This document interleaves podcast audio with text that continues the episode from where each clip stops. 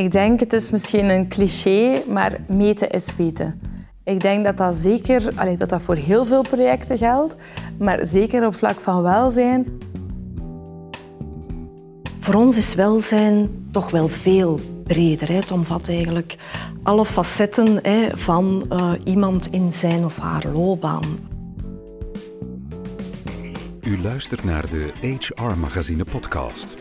Een bekende journalist interviewt twee experts over een actueel HR-thema. Ze geven hun visie op de toekomst.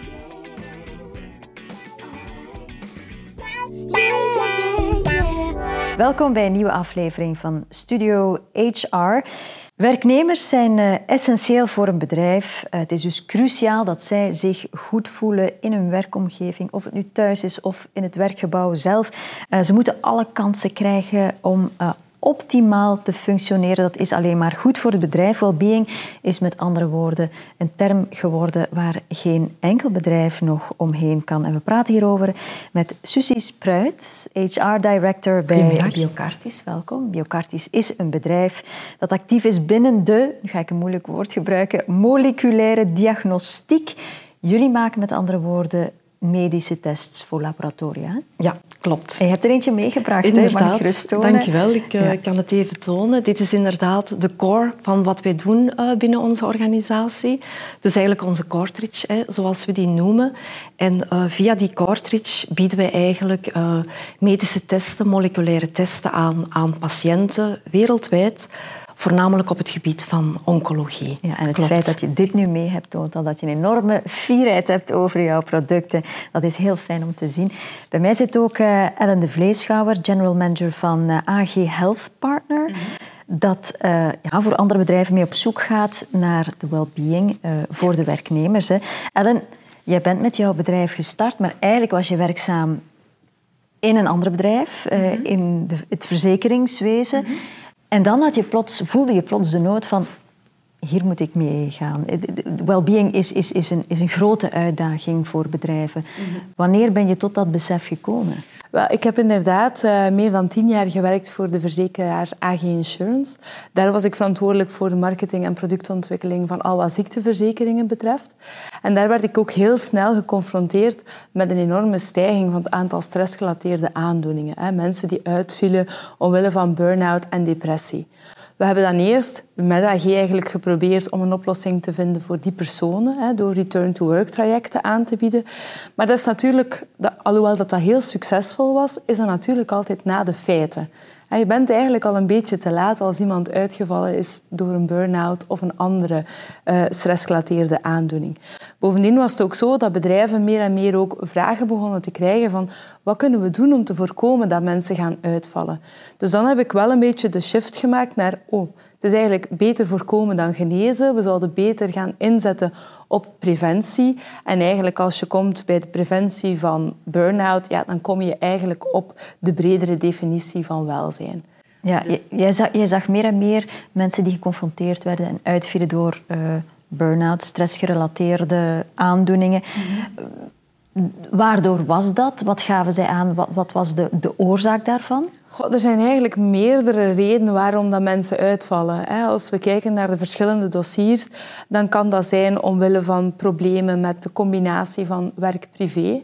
We zien ook veel mensen die thuisproblemen hebben, die daardoor gaan uitvallen. Ook heel veel conflict op de werkvloer. Er zijn verschillende componenten die ervoor kunnen zorgen dat iemand gaat uitvallen. Daarom is het ook heel belangrijk als je over welzijn spreekt, dat je altijd de meer verschillende dimensies van welzijn gaat bekijken. Zowel het fysieke, het mentale als het sociale. Want elk van die drie componenten kunnen een impact hebben op het algemeen welbevinden en dus de kans of iemand wel of niet zal uitvallen. Ja, nu Suzy, jullie zijn van Biocartis bij Ellen gaan aankloppen. Wanneer merkten jullie dat er een noodzaak was om daar externe expertise bij te betrekken? Ja, um, het is eigenlijk zo, zoals aangegeven, wij bieden die moleculaire testen aan, wat we misschien kennen uh, vanuit de afgelopen twee jaar en nog steeds in het kader van de COVID-pandemie. We hebben eventueel al gehoord over de PCR-testen. Wat dit ook eigenlijk is, maar dan op het gebied hè, van oncologie. En zoals je je kan voorstellen, is dit een zeer dynamische, een zeer sterk veranderende omgeving. Dus dat betekent ook dat wij van onze mensen toch wel hè, een bepaalde ja, aanpassingsvermogen, een bepaald veerkracht hè, vragen. Um, bovendien zijn we als organisatie zeer sterk en ook zeer snel gegroeid, zowel wat betreft het personeelsaantal als ook wat betreft de, geografische spreiding, want we zijn uiteindelijk uh, wereldwijd uh, actief. En dus op een bepaald moment, en dat was hè, in 2019, juist voor hè, de COVID-pandemie, um, zagen we toch wel van goed, we moeten gaan kijken hoe we eigenlijk een, een meer gestructureerd welzijnsbeleid kunnen embedden in onze bedrijfsstrategie, in de HR-strategie, zodat we eigenlijk al die reeds bestaande en, en zeer waardevolle losstaande initiatieven kunnen gaan bundelen. Zodat mensen eigenlijk ook nog ja, het bos door de bomen zien. Hè. Kan je een voorbeeld geven van, van zaken die jullie wel al organiseerden, wat jullie al deden voor je werknemers? Ja, dat was zeer divers. Hè. Dat, ging over, dat ging van de zomerse barbecues tot um, initiatieven die hè, uh, genomen worden, bijvoorbeeld in het kader van Music for Life. Uh, dat is een muziekbandje, hè, dat was opgericht en waar wij eigenlijk ook wel de ruimte hè, voor geven als organisatie. Maar dat was anderzijds ook wel... Um, duidelijkheid creëren over wat er verwacht wordt van iemand in de rol. Zeker als je zo sterk groeit als organisatie. Dus dat maakte eigenlijk dat wij in 2019 iets hadden van goed, we moeten dat toch structuur geven, we moeten daar een kader uh, rond creëren. Voelde je dat van de werknemers uit dat dat eigenlijk nog onvoldoende was of dat het dat ze eigenlijk niet echt zagen wat jullie voor hen deden en daardoor dat er weinig respons was?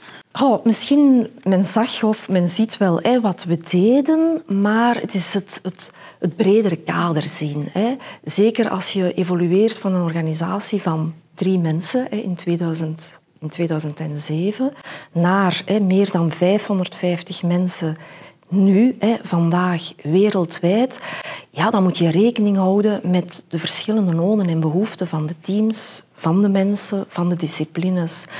En mensen waren inderdaad zoekende.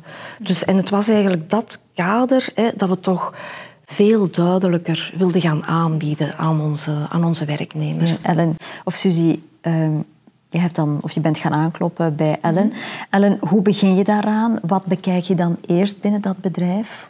Wel, ik denk wat dat Suzy daarnet ook aangehaald heeft. Hè, een bedrijf heeft verschillende departementen, verschillende mensen. Dus eigenlijk eerst en vooral is het heel belangrijk om te bekijken wat zijn de noden en de behoeften hè, van het bedrijf. Wat wil het bedrijf aanbieden, maar ook waar hebben de mensen nood aan. Daarnaast gaan we ook gaan kijken van wat zijn de bestaande initiatieven die hier al georganiseerd worden.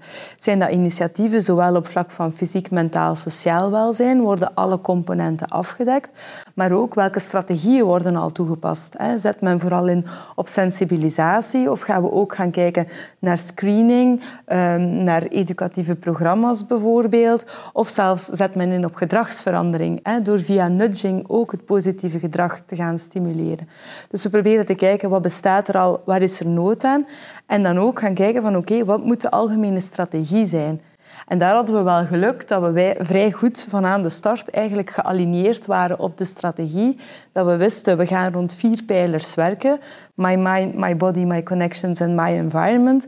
En dat we eigenlijk zowel wij als Biocartis heel goed gealigneerd waren. Nu, je hebt altijd uitdagingen, hè, want je kunt nog zo goed weten wat de behoeften zijn op een bepaald moment en wat het kader is. Maar je hebt ook de context. Hè. We waren net voor COVID. We zijn gestart net voor COVID. Toen kwam COVID, wat een hele wijzende context. Ja, dan moesten we dan ook weer mee in rekening nemen om een aangepast aanbod te vinden voor de medewerkers. Wanneer weet je, je, je ontwikkelt een, een, een bepaalde strategie, wanneer weet je effectief dat het ook werkt? Voor mij zijn daar twee belangrijke aspecten die alle twee even belangrijk zijn. Het eerste voor mij wat belangrijk is, is de data.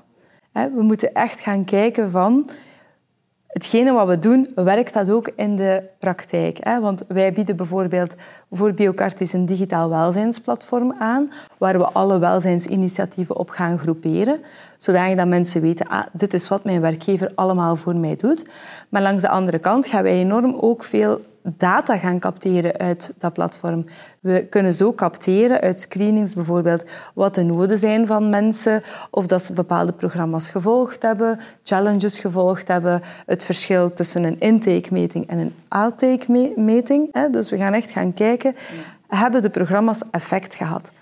En dat terugkoppelen naar de directie. Ik denk dat het risico bestaat er dan in dat werknemers gaan zeggen oei, die, die kunnen hier volgen welke programma's we al dan niet gevolgd hebben. Als we ze niet gevolgd hebben, lijken we minder gemotiveerd. Bestaat dat risico er dan ook? Dat risico bestaat eigenlijk niet, omdat wij op geaggregeerd niveau gaan werken. Dus we gaan nooit gaan rapporteren over individuele werknemers. We kunnen dat ook niet, we houden die data niet bij. We gaan altijd gaan rapporteren over algemene tendensen.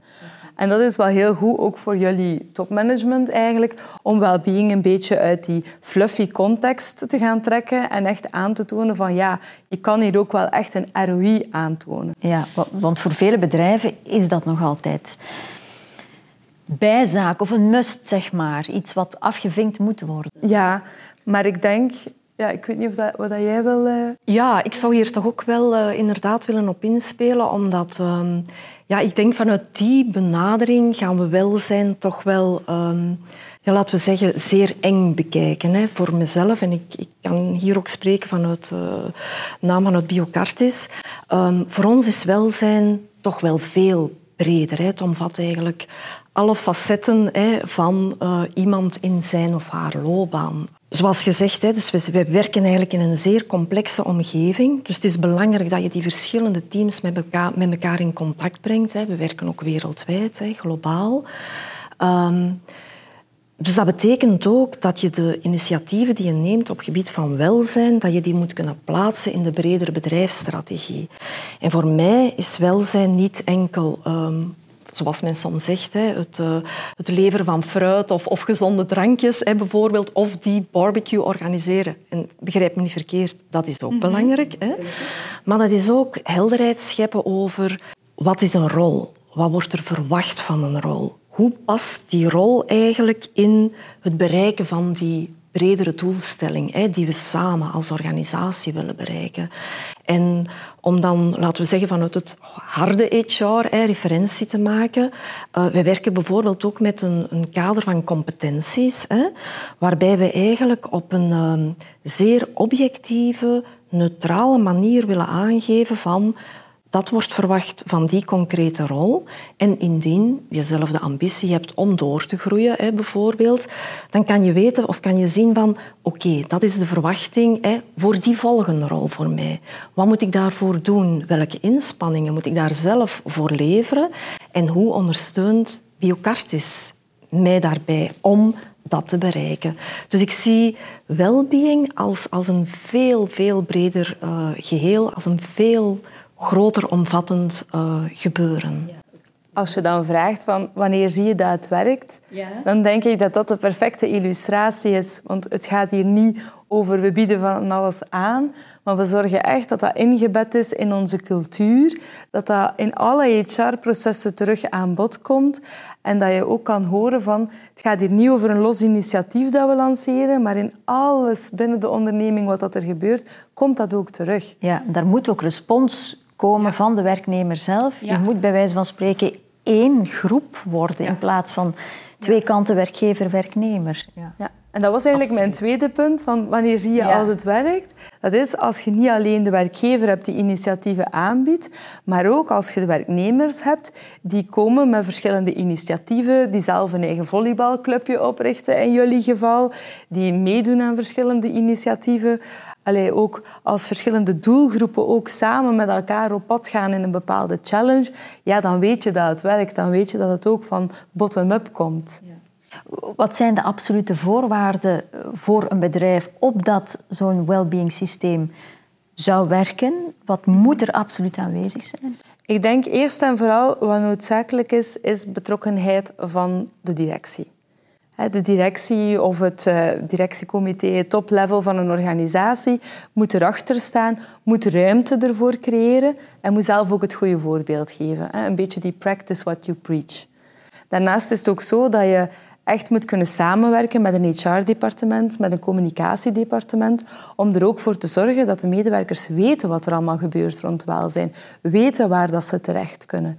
En ik denk als laatste absolute voorwaarde, naast die betrokkenheid en, dat, en ook het engagement van HR, is ook dat je beseft van dat het samen leren is, dat het samen experimenteren is. En dat je iets aanbiedt, je gaat daar lessen uit trekken, dan bekijk je, oké, wat ging er goed, wat ging er misschien minder goed, en zo stuur je bij naar de toekomst toe. Het is nooit af, een welzijnsbeleid. En het vormt mee je cultuur en vice versa gaat ook de cultuur mee je welzijnsbeleid gaan vormgeven. Dus het is eigenlijk een proces zonder einde. Ja, qua tongen beweren soms wel eens dat, dat well-being dat dat eigenlijk een manier is om werknemers die niet tevreden zijn mhm. over hun loon of status, om die wat te sussen. Mhm. Maar dat is absoluut niet zo, denk ik, als ik jullie zo hoor. Inderdaad, inderdaad. Ja. Dus ik, en ik sluit me inderdaad wel aan bij uh, wat uh, Ellen eigenlijk hier zo net heeft meegegeven. Suzy, waar heb je dan bij Biocartis het verschil gezien sinds je samenwerkt met Ellen? Oh, wel, ehm, ik denk dat we, laten we zeggen, juist op tijd gestart waren met die implementatie van dat bredere beleid, die visie. En dat was dus einde 2019, dus net voor de COVID-pandemie gestart is. En ik wil daar toch naar refereren, omdat um, voor ons als organisatie was het zeer belangrijk dat wij continuïteit konden verzekeren tijdens die pandemie. Dus we moesten ook rekening houden, weerom, met die verschillende disciplines. Dus onze productie moest blijven draaien. Anderzijds hadden we de, de functies die niet essentieel zijn op kantoor. Hè, moesten we eigenlijk ook het kader aanbieden om hè, van thuis uit te werken. Dus we moesten er blijven voor zorgen dat de organisatie bleef werken. Um, doordat we toch al enige voorbereiding hadden getroffen, konden we zeer snel op die veranderde situatie inspelen. We hebben dan eigenlijk samen zeer snel bepaalde programma's eigenlijk opgezet. Ook de samenwerking met de CEO was zeer belangrijk. Ehm, we hebben samen met de CEO zeer veel gecommuniceerd naar de organisatie toe. En ik denk... over, over wat er kon of, of waarover dan precies? Inderdaad. Hè. Dus eigenlijk in het begin van die periode, begin 2022, was het een grote onbekende voor iedereen. Hè. Ik denk dat we dat niet moeten ontkennen. En dat hebben we ook meegegeven, dat we soms niet wisten van wat er, ontstond, uh, wat er stond aan te komen, wat we konden verwachten. Hè. Maar eigenlijk door blijven te communiceren, ook al wisten we niet wat we moesten zeggen of waar we voor stonden, was een zeer belangrijk element. Uh, we hebben ook niet altijd willen wachten op, op de beleidsmakers bijvoorbeeld. We hebben eigenlijk soms ons eigen pad gevolgd en echt die transparantie gecreëerd, maar ook het vertrouwen gegeven binnen de organisatie. Um, dus mensen die uh, in die beginperiode wat onzeker waren en, en, en zich bijvoorbeeld ziek voelden en of eh, inderdaad positief getest waren op COVID. Ja, in die beginperiode was dat moeilijk. Maar voor ons was dat eigenlijk geen taboe. Mensen konden dat vrij melden. We hebben mensen gewoon verder doorbetaald wanneer men afwezig was. We hebben geen systeem van economische werkloosheid of, of technische werkloosheid ingeroepen, bijvoorbeeld. Gewoon omdat we dat vertrouwen wilden schenken. En voor mij is dat echt een, een mooi voorbeeld van hoe een, een geïntegreerd wel, welzijnsbeleid kan werken. Dus uh, ik denk dat we eigenlijk op een zeer positieve manier door deze periode zijn doorgekomen. En ja, dat is echt een heel mooi uh, voorbeeld. Ten spijt natuurlijk van de gebeurtenissen hè, waar dat we door moeten zijn. Ja, en zijn er bij jullie nu nog thuiswerkers? Of, of Absoluut. Jullie hebben het systeem behouden of de keuze gelaten aan Absoluut. de We hebben eigenlijk een vrij flexibel systeem, uiteraard afhankelijk van de rol hè, waarin uh, iemand werkt. Maar voor de mensen voor wie het mogelijk is om van thuis uit te werken, bieden we eigenlijk aan om op basis van de functie die ze uitoefenen en op basis van de, de projecten en, de werkcontext, om eigenlijk uh, gedeeltelijk van thuis of vanuit kantoor te werken. Zoals gezegd, we werken ook in een globale omgeving. Er zijn bijvoorbeeld ook mensen die familie hebben in het buitenland. en die mensen kunnen bijvoorbeeld tijdens een bepaalde periode vanuit het, een, een, thuisland eigenlijk gaan opereren en toch actief zijn. Dus hierom weer, alles komt neer op vertrouwen. Zolang als je dat van de twee kanten eigenlijk kan bieden, dan zien we eigenlijk wel dat het, uh, dat het goed kan werken. Dat het werkt, ja, absoluut. Ellen, tot slot, wat is jouw gouden tip voor bedrijven als het over welzijn gaat? Ik denk, het is misschien een cliché, maar meten is weten. Ik denk dat dat zeker allee, dat dat voor heel veel projecten geldt. Maar zeker op vlak van welzijn zou ik zeggen, heb geen schrik om dingen te bevragen. Om echt te gaan proberen te capteren waar dat de noden liggen van de medewerkers omdat heel vaak zie ik bedrijven die gewoon starten met verschillende welzijnsinitiatieven, die heel veel leuke dingen doen, daar heel veel marketing rond doen, ook naar buiten in het kader van employer branding. Maar eigenlijk is dat gewoon een verspilling van geld en middelen en tijd, omdat dat eigenlijk niet afgestemd is op de behoeften en de noden van de medewerkers.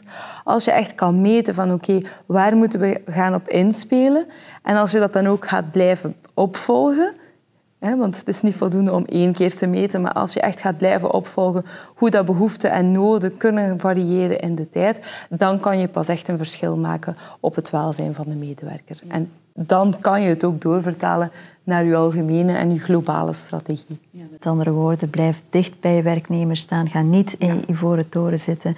Zo kan je mensen verder helpen. En je eigen bedrijf uiteindelijk ook uh, verder helpen.